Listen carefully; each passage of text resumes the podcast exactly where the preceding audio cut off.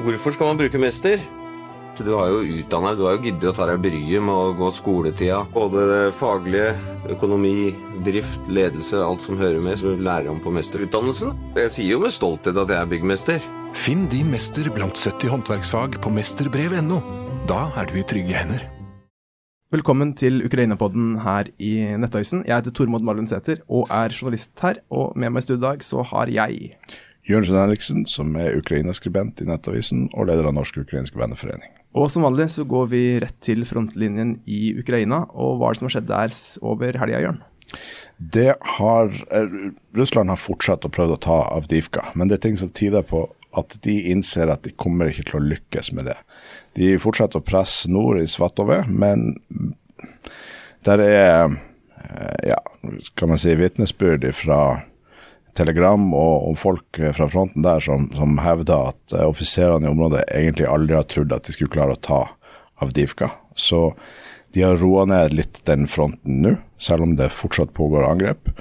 Og så har de starta flere angrep videre nordover fra Avdivka. Så egentlig hele frontlinja fra Avdivka og nordover til grensa til Russland, så foregår det nå store angrep. Et av de største Eh, I nord ved Kupiansk, eh, der har russerne satt inn store pansra styrker, altså både stridsvogner og eh, armerte eh, eller pansra personellkjøretøy. Der hadde ukrainerne eh, forberedt et bakholdsangrep med veldig mye eh, antipanservåpen, særlig Javelin, og har tatt veldig mange eh, pansra kjøretøy.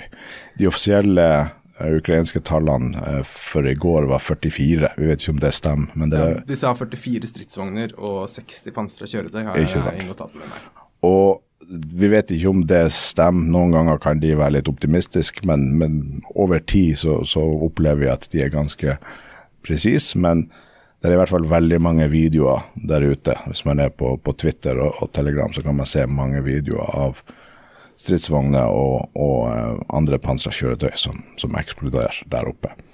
Så um, stort tap uh, for russerne. Det er jo et svakhetstegn at de på en måte gir opp Avdivka.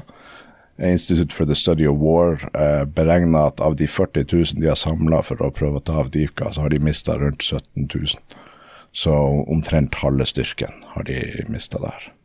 Ja, Så det er uh, store tap. og det, Jeg husker ikke akkurat de tallene her, men det er noe sånn Når du har mista 30 av styrken din, så har det ikke lenger uh, altså combat effective, sier de på Ukraine the Latest, som er den podkasten jeg ja. har lært her på. Så på en måte, da er du ikke Da må du hjem og lære deg å slåss på nytt. på en måte. For normale militære styrker så gjelder det, mens russerne viser jo og, og, det er jo litt fordi at de ikke driver særlig avanserte operasjoner, de sender folk i angrep. Eh, så de fortsetter jo bare å angripe selv om de har mista halve styrken. Og det er ganske også mye det, det, er ganske mange rapporter også fra eh, slektninger til soldatene som klager på at skadde soldater blir sendt i angrep igjen. Altså De kommer tilbake fra et angrep, eh, har eh, er skutt i arm eller har problemer med ryggen eller er ganske hardt skadd. Men de får ikke medisinsk behandling, de blir sendt i et nytt angrep der overlevelsesraten er veldig lav. Så moralen på, på russisk side eh, er ikke bra på det punktet. Det, vi har også sett, og det, det, vet vi jo ikke om de gjør hele tida eller ikke, men, eh, men, vi har sett eksempler på at uh, Ukraina har uh, brukt close air support. De har brukt Su-25 for å angrepe uh, punkter langs frontlinja. Det er ikke noe vi har sett tegn til ofte, men det kan jo bare være for at de er flinke til å ikke vise det fram. Men de har i alle fall gjort det. Det førte til at russerne feira en nedskyting av en ukrainsk eh, Su-25. Som de etterpå måtte endre til et slags sånn svart-hvitt uh, minnesbilde. For det viste seg at den Su-25-en de hadde skutt ned, var russisk. Så de hadde skutt ned sin egen, sitt eget fly uh, med et Buk-system. Samme system eller samme type system som skjøt dette malaysiske flyet på vei fra Nederland til Malaysia i 2014. Det stemmer. Og ukrainerne har bekreftet at de har ikke skutt ned noen russiske fly, så hvis russerne har mistet et fly, så har de skutt det ned sjøl. Ja, og det er noe som skjer ganske ofte i den krigen her, og mm. også i andre kriger, eh, riktignok. Det er ja. vanskelig å vite akkurat hva slags fly du skyter, ned. du har ganske kort tid på å reagere. Og den som skyter først, er den som si, både treffer først og går seieren ut av kampen. Så det er, det er ganske vanlig at, relativt vanlig at man skyter ned sine egne fly, men det er noe Russland er sterkt plaga av. At, at ja. Eh, de skyter ned sine egne piloter. Det er både pga.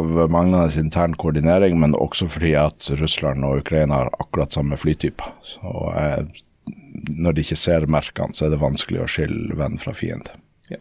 Og Med det så tenker jeg vi har gjort oss ferdig med fronten. Hvis vi skal oppsummere kjapt, så er det Russland som stort sett er på offensiven. De presser på, tar ikke store områder, men det er på en måte de som stort sett har initiativet.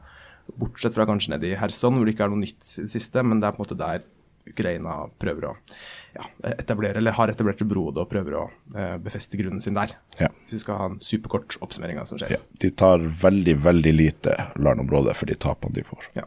Og da skal vi ønske velkommen til dagens gjest. Det er en stor ære og glede å ha deg her, Jette Christensen. Takk for at jeg fikk komme. Du er da eh, statsviter, ble enige om før sending at vi skulle kalle deg, og forfatter kan vi kalle deg også. Absolutt, gjør begge deler. ja. Eh, du er tidligere stortingsrepresentant for Arbeiderpartiet, men det er ikke derfor du er her i dag. Men du skriver da bok om det norske demokratiet. Det er riktig. Ja, Og så jobber du også litt for Universitetet i Oslo og har litt andre, andre eh, oppgaver eh, rundt omkring. Men bok om norske demokratiet, hvorfor, eh, hvorfor er det viktig? Altså, vi har, vi, har vi ikke et demokrati her i Norge, si? Jo, det har vi. Eh, vi er et av de høyest rangerte demokratiene i verden. Det betyr at det påligger oss et enda større ansvar enn andre til å stå opp for de verdiene som vi er avhengig av at andre følger, og som er de verdiene som denne krigen handler om. Eh, fordi at vi er veldig klar over hvor vi skal kjempe mot, men for å kunne ha nettopp den eh, lojaliteten og den moralen oppe, så må man også vite hva man skal kjempe for. Og det, det jeg ser på, er demokratiske svakheter i Norge. Ikke fordi jeg er så veldig opptatt av demokrati, men fordi jeg er veldig opptatt av vår sikkerhet. Eh, og det er det dette handler om. For hvis vi eh, skal predikere demokrati ute, så eh, er det vanskeligere hvis ikke vi følger de reglene som vi vil at andre skal følge hjemme. Så det er rett og slett eh, mitt forsøk på å gi et bidrag til, at, til å styrke vår mulighet til å kjempe for demokrati i kappløpet om demokratiet. Fordi at det er jo sånn at nå står det en krig på vårt kontinent om styresett. Eh, de store altså verdenslederne har utropt dette til en krig mellom autokrati og demokrati. De aller fleste mennesker i verden eh, lever ikke i et liberalt demokrati. 13% av oss gjør det.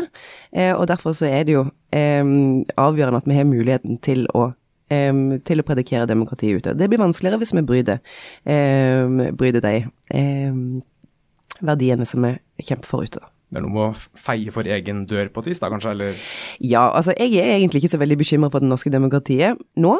Eh, men ingenting eh, er skrevet i stein, ingenting kan vi ta for gitt. Eh, nazistene har marsjert i våre gater før. Eh, de har overtatt våre institusjoner før. Da må vi være beredt, og så mange som mulig må være i stand til å gjenkjenne de kjennetegnene som er hos autokrater når de søker makt. Eh, og det er jo bekymringsverdig at norske 14-åringer f.eks. vet mindre om demokrati nå enn før. Fordi det gjør eh, at eh, eh, skatteviljen for å ønske å støtte eh, kamp mot eh, autokrati ute blir lavere, hvis man ikke har oppmerksomheten på hva dette handler om. Eh, og nå, neste år, når, være, når, de, når halvparten av verdens befolkning er underlagt valg, så er det jo sånn at da vil støtten f.eks. til Ukraina være gjenstand for innenrikspolitikk i veldig mange land, bl.a. særlig hos vår nærmeste alliert USA. Eh, og det at flest mulig eh, skjønner eh, hva det er ikke bare vi kjemper mot, men også hva vi kjemper for, er avgjørende. Ikke bare for Ukraina, men for vår egen sikkerhet. Ja, og du Jørn, du, du var veldig tydelig før Jette kom hit. Hun hadde holdt et av de beste sikkerhetspolitiske foredragene du hadde sett og hørt noen gang. Og det var jo på en måte det Jørn hadde nesten stjerner i øynene da han, da han snakka om det her. Det var på FFI, var det ikke det? Mm, Forsvarets forskningsinstitutt. Ja, og det jeg tenker, det, det, du tar opp der, og det du snakker om nå òg, er jo Det er noe som jeg syns er veldig skremmende, men det som er nesten enda mer skremmende, er hvor få som er opptatt av det, og hvor lite oppmerksomhet det får. Kanskje litt fordi at vi lever i et så trygt liberalt demokrati som vi gjør, men, men hvis vi er de eneste igjen, så, så hjelper jo ikke det så mye. og du sier 13% av verdensbefolkninga, men er det et synkende eller økende tall? Problemet er jo at det kappløpet om styresett eh, er, har vi tapt allerede. Mm. Eh, det er eh, færre, altså stadig flere land, også på vår egen kontinent, eh, kontinent, faller på demokratiske indekser. Mm. Nå tapte PiS-partiet i Polen valget. Det eh, var jo helt fantastisk. Eh, og så har de jo fått en, en, konstellasjon som består av veldig mange forskjellige partier, der de har det til felles at de ikke er PiS-partiet. Eh, de ønsker en rettsstat, de ønsker en fri presse, de ønsker ytringsfrihet, og de ønsker eh, organisasjonsfrihet. Og så er det jo sånn eh, Hvis man ikke er opptatt av ytringsfrihet eller minoritetsrettigheter eller mulighet til å skrive leserinnlegg, så bør man være opptatt av handelsmulighet, eh, og man bør være opptatt av sikkerhet. For disse tingene henger sammen. Det er derfor det går en eh, ganske lang, men allikevel klar linje mellom norske 14-åringers forståelse av demokrati eh, og krig. Eh, fordi, fordi det er den forståelsen man er nødt for å ha med seg hvis man skal eh, i det hele tatt eh, eh ha nok eh, ammunisjon, eh, mental ammunisjon, til å kjempe krig. Fordi om jeg sier inne på mental ammunisjon, så er det jo sånn at dette her er en propagandakrig. Problemet med propaganda er jo ikke bare at det er billigere enn eh, vold, altså løgn er billigere enn vold, men problemet med propaganda er jo at det virker. Ikke sant? nå er det jo sånn at på sikkerhetskonferansen i München i år, så brukte Moldova sin taletid eh, på å be om hjelp for å reetablere sannhet som konsept. Fordi at det går ikke an lenger å fortelle historien om hva Moldovas rolle i krigene, eh, hva Russlands rolle i krigene, hva det er egentlig som skjer. Og den ketsjupen er veldig vanskelig å få tilbake igjen på flaske. og Derfor har jo Nato definert eh, sannhet eller kognitiv krigføring som en del av sine, eh, sitt strategiske konsept, fordi at følelsene våre kan bli brukt som våpen mot oss. Mm. Eh, og det å eh, utruste dere sjøl med evner til å kunne stå imot det, er veldig eh, avgjørende for at vi skal være her. Eh, så lenge det eh, As long as it takes, som man har sagt. Eh, og det, denne, denne, krigen kan vare lenge, og kampen for demokrati vil alltid stå. Når det er vunnet i Ukraina, så er det et annet sted. Ja, og det, jeg var også på den valgvaka om valget i Polen, som jo var en strålende nyhet. Men, men det du sier der, er jo Altså, det gikk bra i Polen, men det er jo ikke et bra tegn at du har en koalisjon som har samla seg. De har forskjellige politiske retninger, men det de har felles, er at de er for demokrati. Mm. At, at, det er liksom nødvendig at du må samle en demokratikoalisjon. Mm. Det er jo et ganske sterkt sykdomstegn. Og Moldova, kanskje sammen med Taiwan, er jo de som blir utsatt for størst teppebombing av falske nyheter. Men vi ser jo det i, i, i Norge òg. Det er nesten ikke mulig å gå på sosiale medier nå uten å se falske kontoer, eller i alle fall falske narrativ som spres av um, enten falske eller virkelige mennesker. Og det bekymrer meg at det virker ikke som at Det er veldig bra det du sier, at, at Nato og noen flere våkner opp, men det er litt seint. De holder på lenge. Og, mm. og vi, jeg har ikke sett noen mobilisering imot, eller i det hele tatt noen slags eh, kollektiv bevissthet om at det foregår. Mm. Eh, og så er det jo eh, nå en mye større innsats enn før om forebygging. Men hva man skal gjøre etter skadene skjedd, mm. det eh, jobbes det fremdeles med. Eh, fordi at det å gå inn i hodene til folk og ommøblere hva som er sant og hva som er, ikke er sant, det er jo eh, en umulighet. Og det mm. fikk man jo et veldig godt eksempel på når denne krigen brøt ut. Og eh, utvekslingsstudenter fra Russland som var i Ukraina, og ringer hjem til sine foreldre og sier at vi er evakuert. Eh, vi er, er angrepet eh, av vårt eget land. Eh, og beskjeden nådde ikke inn. Foreldrene trodde ikke på sine egne barn som ringer hjem og forteller at de er under angrep, fordi at det står i eh, så eh, eh, kontrast til den propagandaen de er blitt utsatt for eh, over generasjoner. Eh, så det, eh, det, gjør jo at eh, Altså, måten vi oppfatter sannhet på, er umulig nesten å reetablere sjøl i møte med det. Så det er jo en, en av de oppgavene som, som, ligger foran oss, og som kommer til å ta veldig lang tid, mye ressurser, og nettopp derfor så trenger vi å, å ha den langsiktige evnen og viljen til å stå i dette.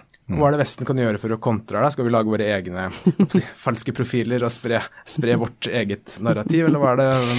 Ja, eh, ja. Eh, det er altså sånn Kanskje ikke eh, falske profiler, men altså, nei, det, hvordan, nei, hvordan er det Vesten måte kan svare På ingen måte. Men, altså, vi skal det, ikke eh, eh, Hjernevasking blir ikke bedre av at man vasker med rent vann. eh, men, men det er klart at eh, teknologien eh, er jo ikke bare en fiende, det er jo også en mulighet. Eh, og nå snakker vi om narrativ og falske nyheter samtidig her nå, og det er to ganske forskjellige ting. Fordi falske nyheter, fordelen med falske nyheter, er at det går an å avsløre de, eh, ikke sant? Men, men følelser og den langsiktige opplevelsen av en stemning, det går ikke an å avsløre på samme måte. Eh, og demokratier eh, har jo det problemet at de er treige. De er underlagt reguleringer osv. Så, videre. eh, så derfor så har jo autokratiene vunnet kappløpet om teknologien. Eh, men det jeg opplever at det er en bevissthet om det. Nato har som sagt dette her i sitt strategiske eh, konsept. Det forskes på, det er en del av, av våre tjenesters virksomhet også. Men løsningen er ikke, er ikke å å drive liksom falsk narrativ forklaring, men løsningen er noe så kjedelig som langsiktig sterke eh, redaktørstyrte medier. Langsiktig eh, eh, bred demokratisk eh, gratis utdanning.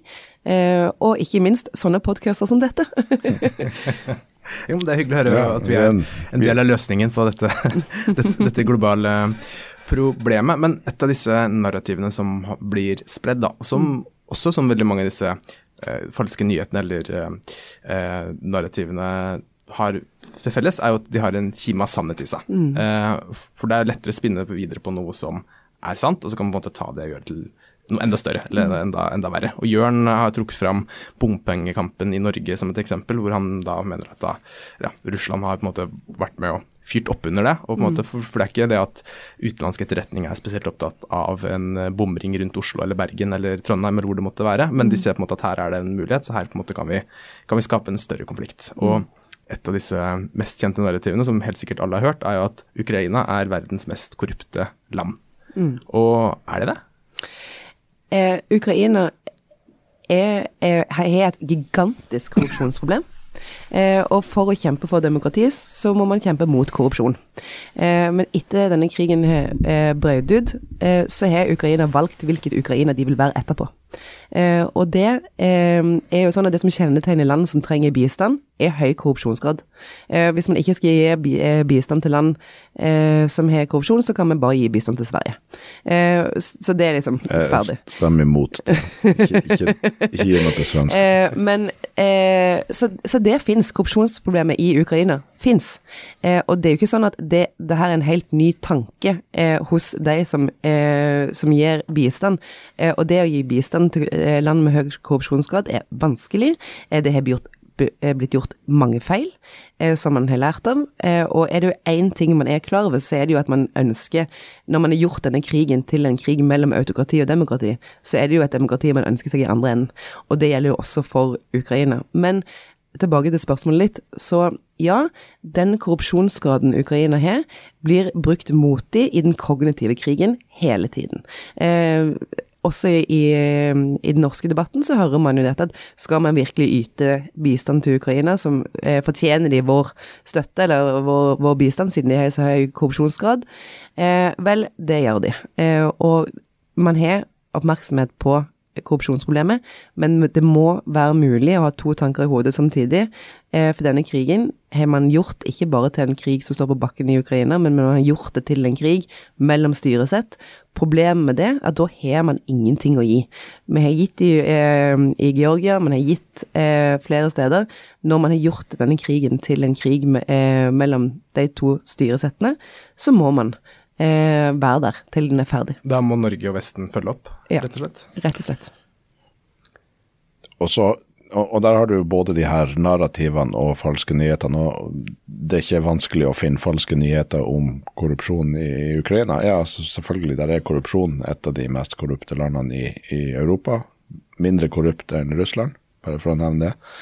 eh, men det er masse nyhetssaker om eh, særlig Zelinskyj, men også kona hans. og bilder av dokumenter som helt klart er forfalska og sånne ting. Og det er jo nyheter som er lett å avsløre som falsk, selv om veldig mange eh, bare leser den første nyheten og tror på den og er ikke interessert i å, å, å se dementiet.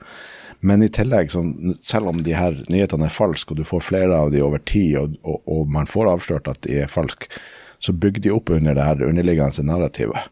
Og, og, og stadig flere tenker sånn ja ja, men det er jo ingen, ingen uh, røyk uten ild. Her er det jo veldig mye røyk, liksom. Så bygge opp under det her uh, narrativet. Men Ukraina har gjort veldig mye for å motvirke korrupsjon sjøl. De har hatt en sånn eh, eh, hva det kalles, en eh, oppsplitting av makt, ja, er, eh, reform og, Det er en og kommune- og desentraliseringsreform. Stemmer. Så det de har gjort, hvis jeg har skjønt det her riktig, Mm. så har det da De har rett og slett Vi hadde Jan Tore Sanders kommunereform her i Norge, hvor vi fikk færre og større kommuner. Og det har de gjort det samme i Ukraina, hvor de har tatt, hvis jeg har skjønt det riktig, så er det da eh, istedenfor mange små, eh, mindre kommuner og byer og rundt omkring som har, får på en måte egentlig styrt fra hovedstaden, så har de slått sammen da, til større administrative enheter, eh, som får eh, bevilga mer av eh, større sum fra de sentrale myndighetene, som de kan fordele utover selv.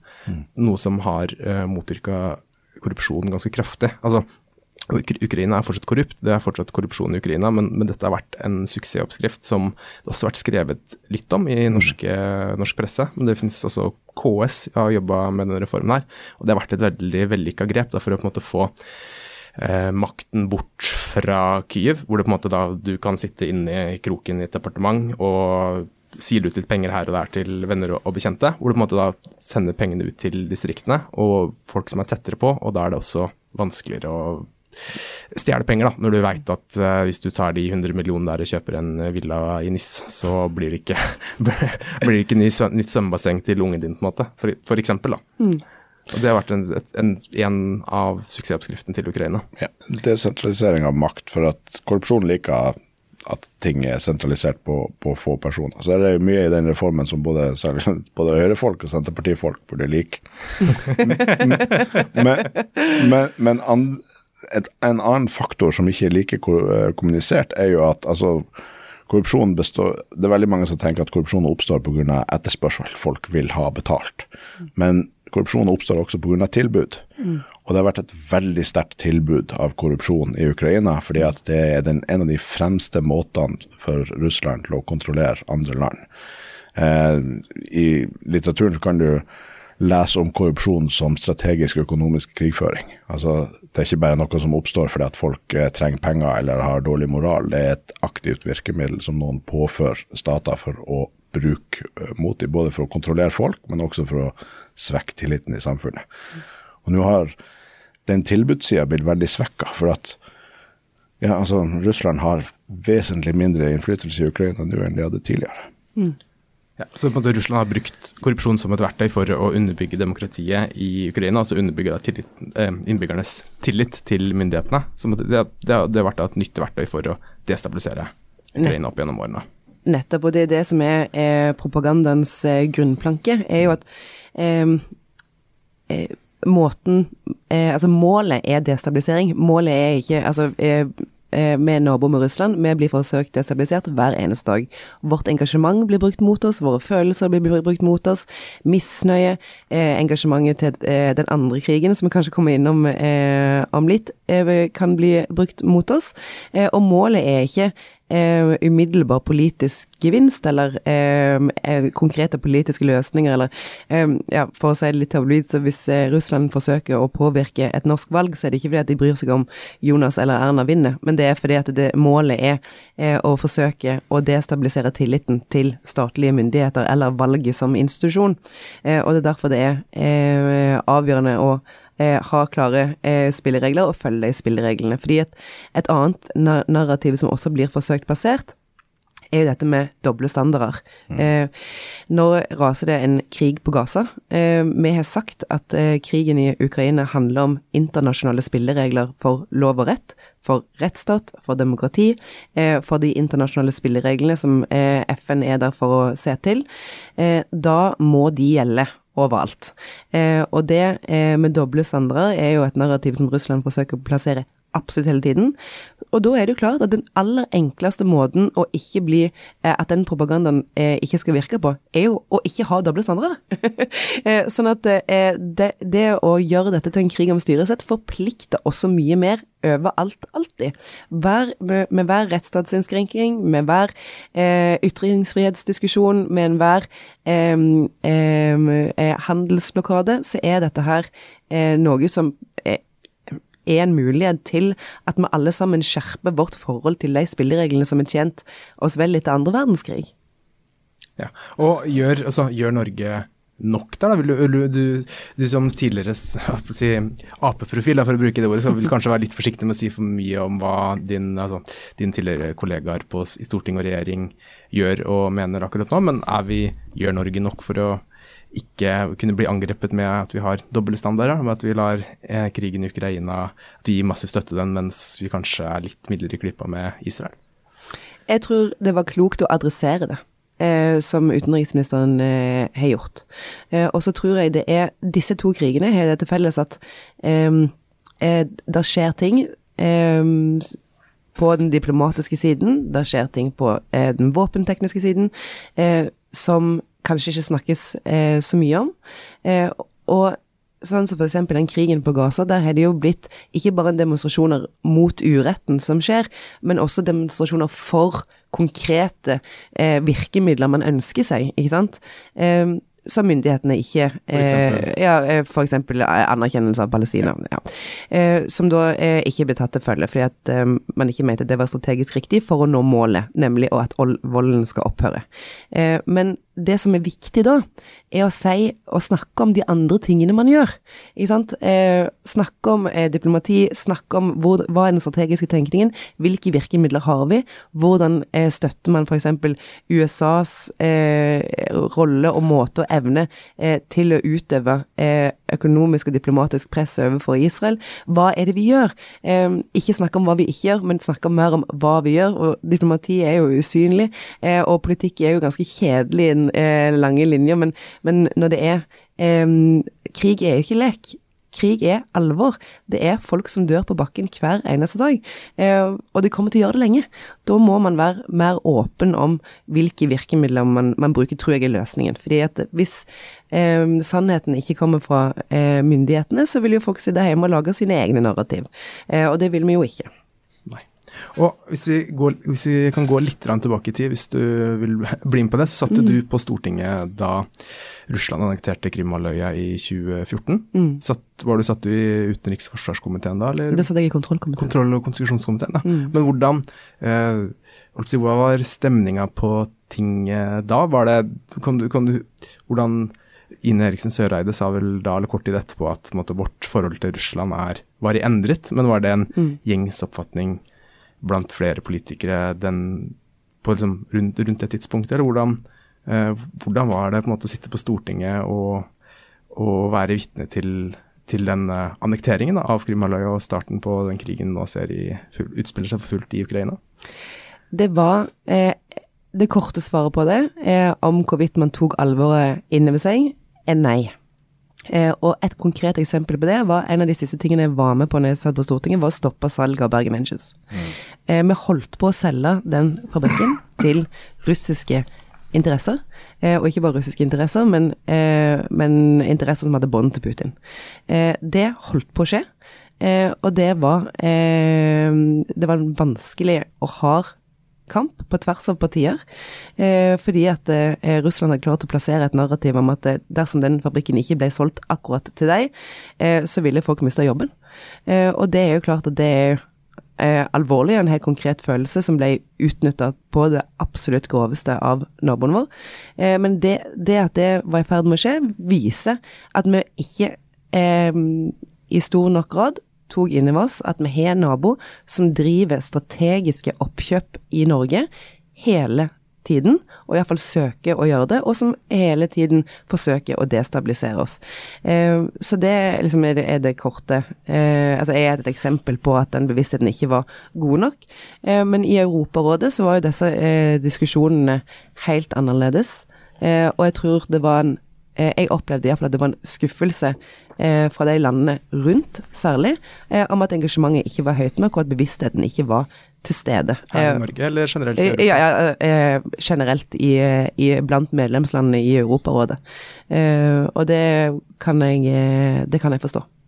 Og, og ikke bare pga. dårlig samvittighet eh, skal vi fortsette å holde, eh, å holde støtten til Ukraina oppe, men, men, eh, men det er klart at det er en del av det. Ja.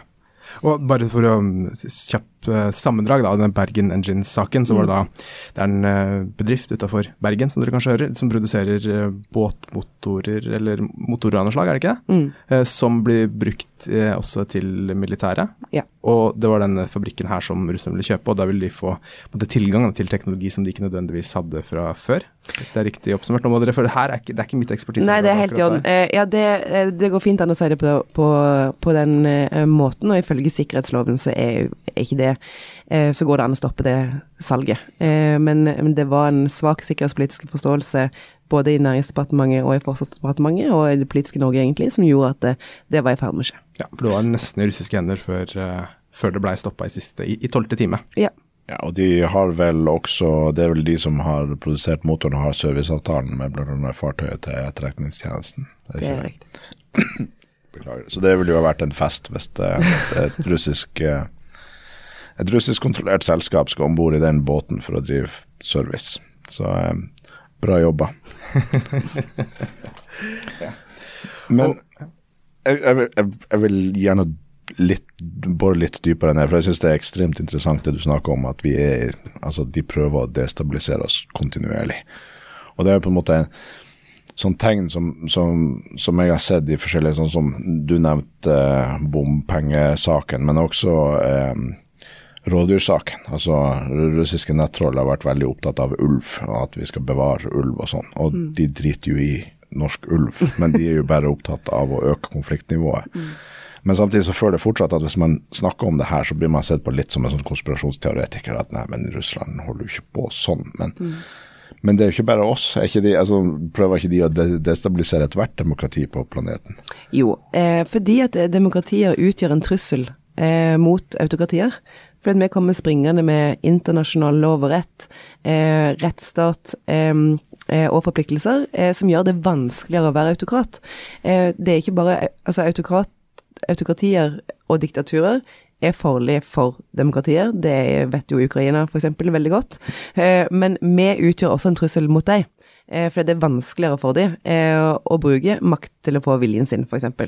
Eh, derfor så er det, det er det som er hele målet med destabilisering av f.eks. Norge, eller eh, politisk offentlig debatt i et hvilket som helst demokrati, fordi at jo færre demokratier det er, jo enklere er det å være eh, autokrat og diktator. Eh, rett og slett. Så Det er liksom eh, det korte målet. De er jo ikke opptatt av verken ulv eller Erna eller Jonas eller krigsminnesmerker eller eh, noen ting som helst. De er kun opptatt av å eh, kunne beholde makt i sitt land.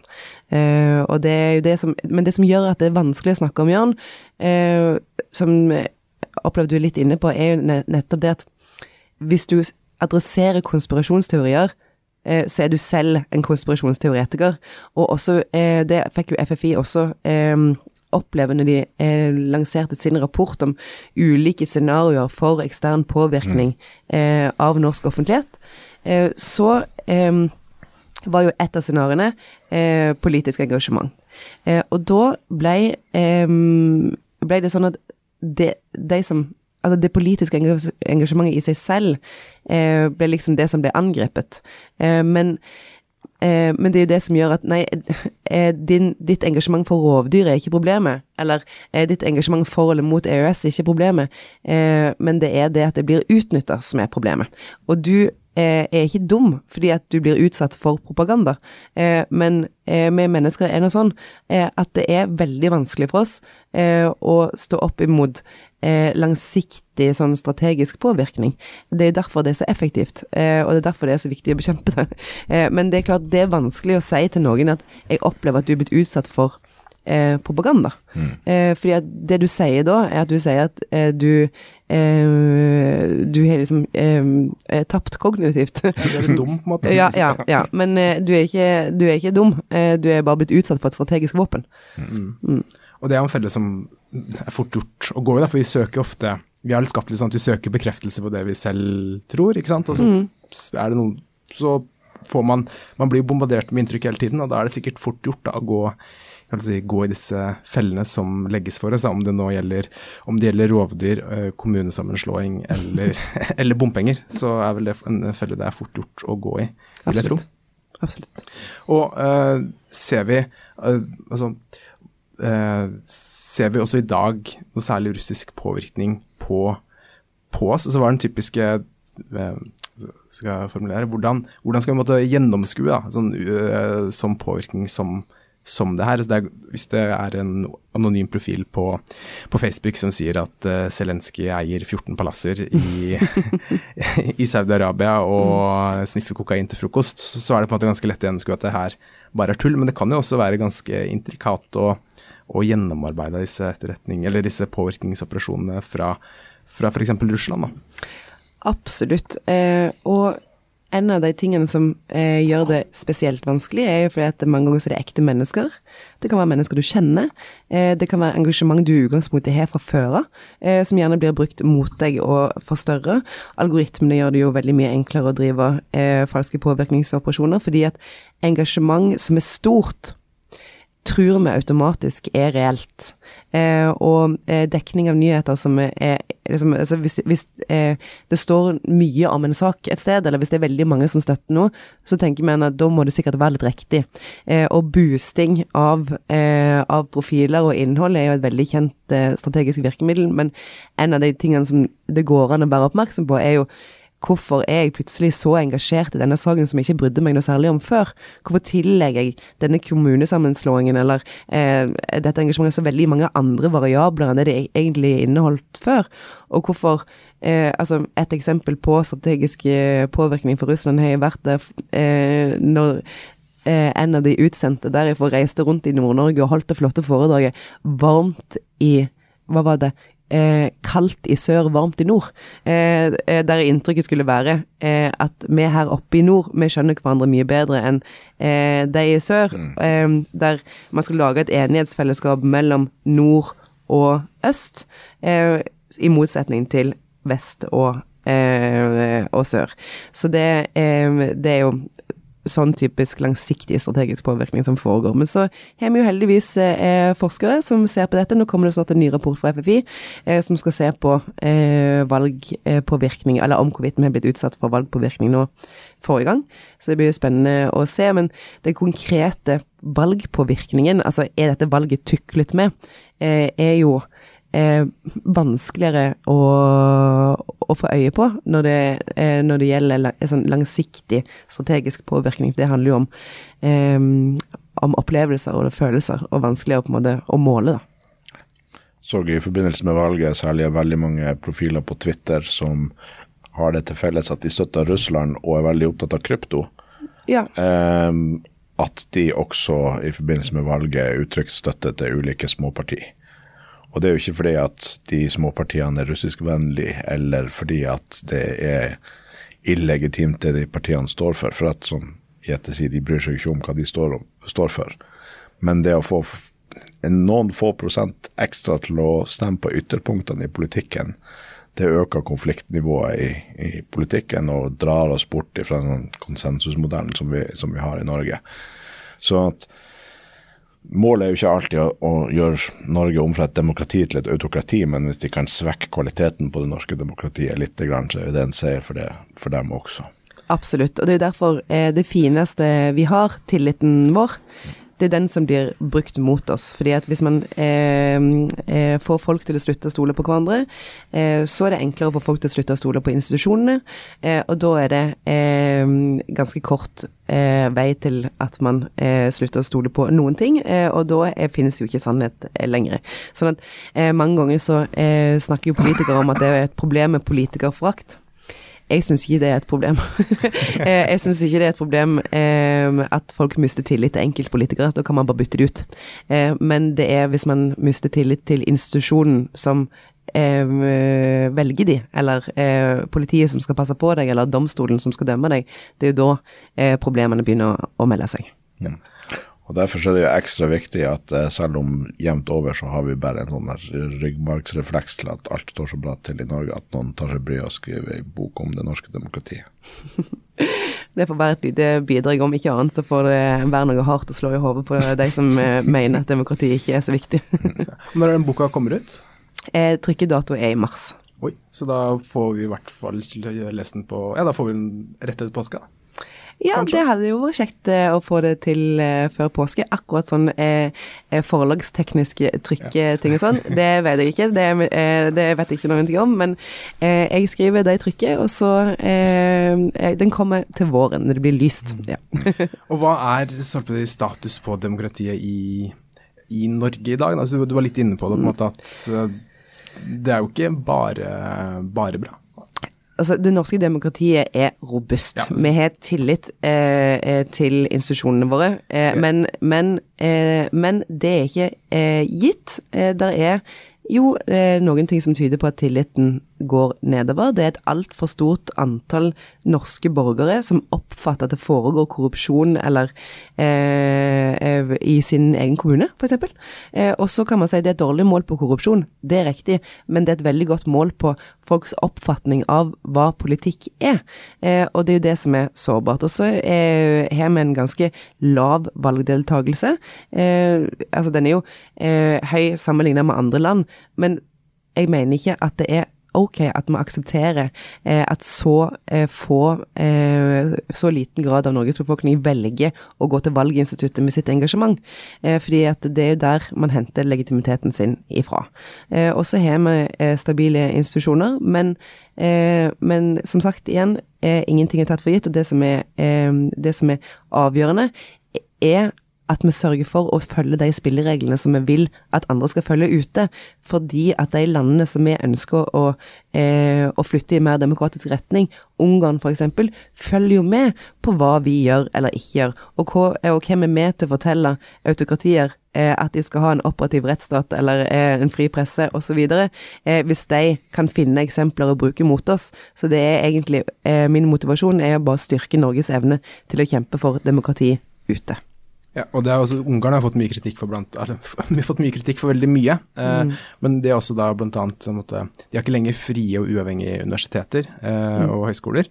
Og de kunne nok sikkert brukt denne NTNU-skandalen. Eh, Det er sikkert noe som de kunne brukt til sin fordel, da, hvis det hadde fått et annet utfall enn det det nå fikk, da, hvor denne rektoren gikk ut i, etter påvirkning fra NHO, gikk ut i pressen og på en måte eh, irettesatte sine egne akademiske ansatte. Det er vel f.eks. noe andre mer autoritære land vil si at ja, men se på Norge. altså det, Hvis de kan gjøre det, så hvorfor kan ikke vi hvorfor kan ikke vi gjøre det samme? Er det på en måte litt sånn det fungerer? Det er akkurat sånn det fungerer. Tusen takk, nå har du oppsummert hele eh, prosjektet mitt.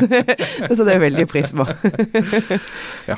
Og altså, status for demokratiet i Europa, da. Altså, på verden så går det jo feil vei. Eh, det var 13 av verdens befolkning sa det, som bor i demokrati. Som bor i et liberalt demokrati. Liberalt demokrati, ja. Og det er da type det vi har i Skandinavia. Eh, men Europa, der har vi Polen, så hadde vi et valg nå i høst hvor det mange som er glad i demokrati, eller de fleste som er glad i demokrati, vil jo si at det valget gikk i riktig retning, hvor dette lov- og rettferdighet-partiet tapte. Eller de ble valgvinner, men de klarte ikke å danne flertall. Men vi har Orban, som eh, ble gjenvalgt i Ungarn, og vi har Slovakia, så har vi da et ytre høyreparti med tette bånd til Kreml som, som vant. Og vi har eh, også flere eh, hva skal vi kalle nasjonalkonservative partier da, som er på fremmarsj i, i flere storland i Europa. Hvordan er status for det liberale demokratiet i vår verdensdel? Eh, og det er det som er eh, veldig frustrerende. Eh, fordi at etter eh, 1989 så trodde vi jo at det fantes bare én vei eh, framover for Europa, og det var til det bedre. Det var ikke snakk om om ting skulle bli mer, et, mer åpent og mer de, demokratisk, det var bare snakk om hvor fort det skulle gå. Eh, så det er, eh, det er derfor vi stiller så uforberedt.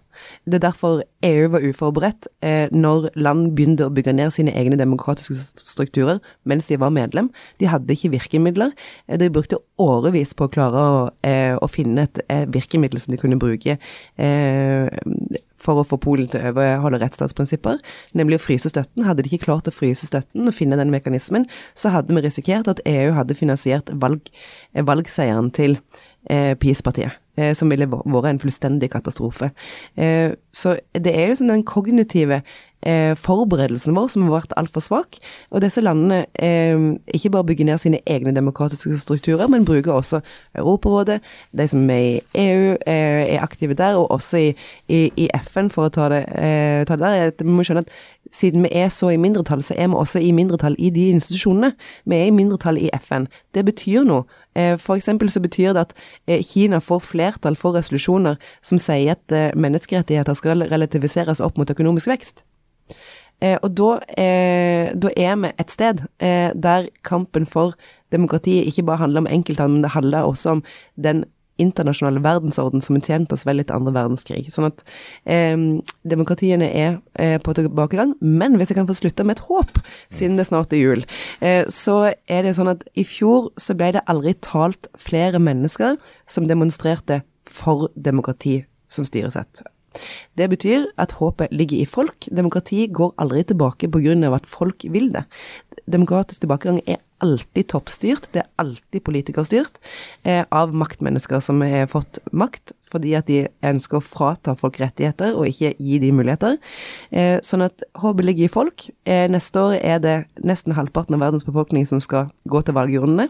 Eh, og så lenge det skjer i et system der det er mulig å vinne valg, det er jo ikke alltid, men allikevel så er det der håpet ligger hos, eh, hos enkeltmenneskers eh, tro på demokratiet det, jeg syns det, det, er et veldig For å end on a high note, veldig godt poeng. Og jeg, jeg syns det er så sterkt og fascinerende uh, at hvis vi ser på Iran, mm. at det er fortsatt folk som demonstrerer for demokrati, for frihet, for grunnleggende rettigheter for kvinner og sånn, til tross for at de gjennom flere tiår har rett og slett drept all opposisjon. De har hengt og hengt og hengt flere generasjoner med opposisjon. Og allikevel så oppstår det fordi at de her eh, rettighetene er ikke noe som det, Altså, ja, skole og, og, kunnskap er viktig, men, men det er noe iboende i oss som, som, grunnleggende sett gjør at alle forstår at vi burde bestemme over oss sjøl, mm. at ikke andre skal bestemme over det. Og du nevnte uh, slutten av den kalde krigen. altså Det, det er fascinerende å tenke på hvor nært vi var. altså demonstrasjonene på Tiananmen Square. Altså hvis, hvis, mm. det, hvis, Kina hadde falt, hvis det hadde vært en eller annen form for demokratisk reform der altså det, I og med at det er utsatt for smitte, så det er vanskelig å altså Det vil i hvert fall vært vanskeligere for autokratiene å, å, komme tilbake. Hvis enda flere hadde falt, så kanskje vi, vi kommer tilbake dit. Noe du nevnte gjorde at jeg så en connection som jeg egentlig ikke hadde tenkt på før. Mm. Eh, Norsk-ukrainsk venneforening gjennomførte en meningsmåling i mai om våpenstøtte til Ukraina, der det var massivt flertall i det norske folket for støtte, og også for å gi F-16, blant alle partigrupper. Den grupperinga som det var minst støtte i, var de som sa at de ikke har tenkt å stemme. Mm. Og de er på en måte sånn ikke aktiv eh, politisk, eller har ikke tro på systemet. Mm. Eh, og det har egentlig ikke falt på plass for meg før du sa det nå. Så alt engasjementet er positivt. Altså Alle som mm. velger å delta på en eller annen måte, er jo en, en motvirkning mot de her påvirkningsoperasjonene. Absolutt, og derfor så er det eh, et politikeransvar eh, og et presseansvar eh, å gjøre norsk offentlighet til et sted eh, der man ønsker å gå med sitt engasjement. At politikken skal være et sted der man føler at her er det eh, nødvendig, eller eh, det gir mening for meg å delta her, fordi at det har en effekt valgdeltakelse går opp når eh, det er noe som står på spill, og når forskjellene partiene er klar. Eh, og Derfor så syns jeg eh, Jeg studerte under Frank Aarebrot, jeg er veldig glad i han. Men han eh, serverte dessverre norske politikere en sovepute når han sa eh, at eh, hjemmesitting er en halv stemme til den du liker minst. Fordi at da på en måte plasserer du ansvaret for engasjementet hos den enkelte. Det mener jeg er feil. Det er de som allerede sitter i eh, posisjoner, sitt ansvar. Å åpne politikken, åpne debattene, skape eh, engasjement og, og, og, gi folk den følelsen av at politikk er et sted eh, som virker, det er et sted jeg har tillit til, det er et sted eh, der det betyr noe at jeg eh, deltar eller går og stemmer. Ja, Med de ordene så tror jeg rett og slett vi skal avslutte. I morgen så får vi besøk av eh, Ine Eriksen Søreide, tidligere forsvars- og utenriksminister. Hun kommer hit og skal snakke med oss. Hvis dere har noen spørsmål, så send de gjerne til ukrainapodden krøllalfa.nettavisen.no. Så må vi se om vi eh, slipper eh, episoden i morgen, eller om vi sparer den til romjula. Det må vi fundere litt på. Men den kommer i hvert fall. Eh, og imens er det bare å si tusen takk for at du kom hit, Jette. Takk for at jeg fikk komme. Veldig veldig stas å prate med deg. Og så ønska vi god episode Nei, god jul forrige episode også. Men det kan vi gjøre enn i dag, for nå er vi enda, enda nærmere jul. Så er det bare å si god jul. God jul. God jul.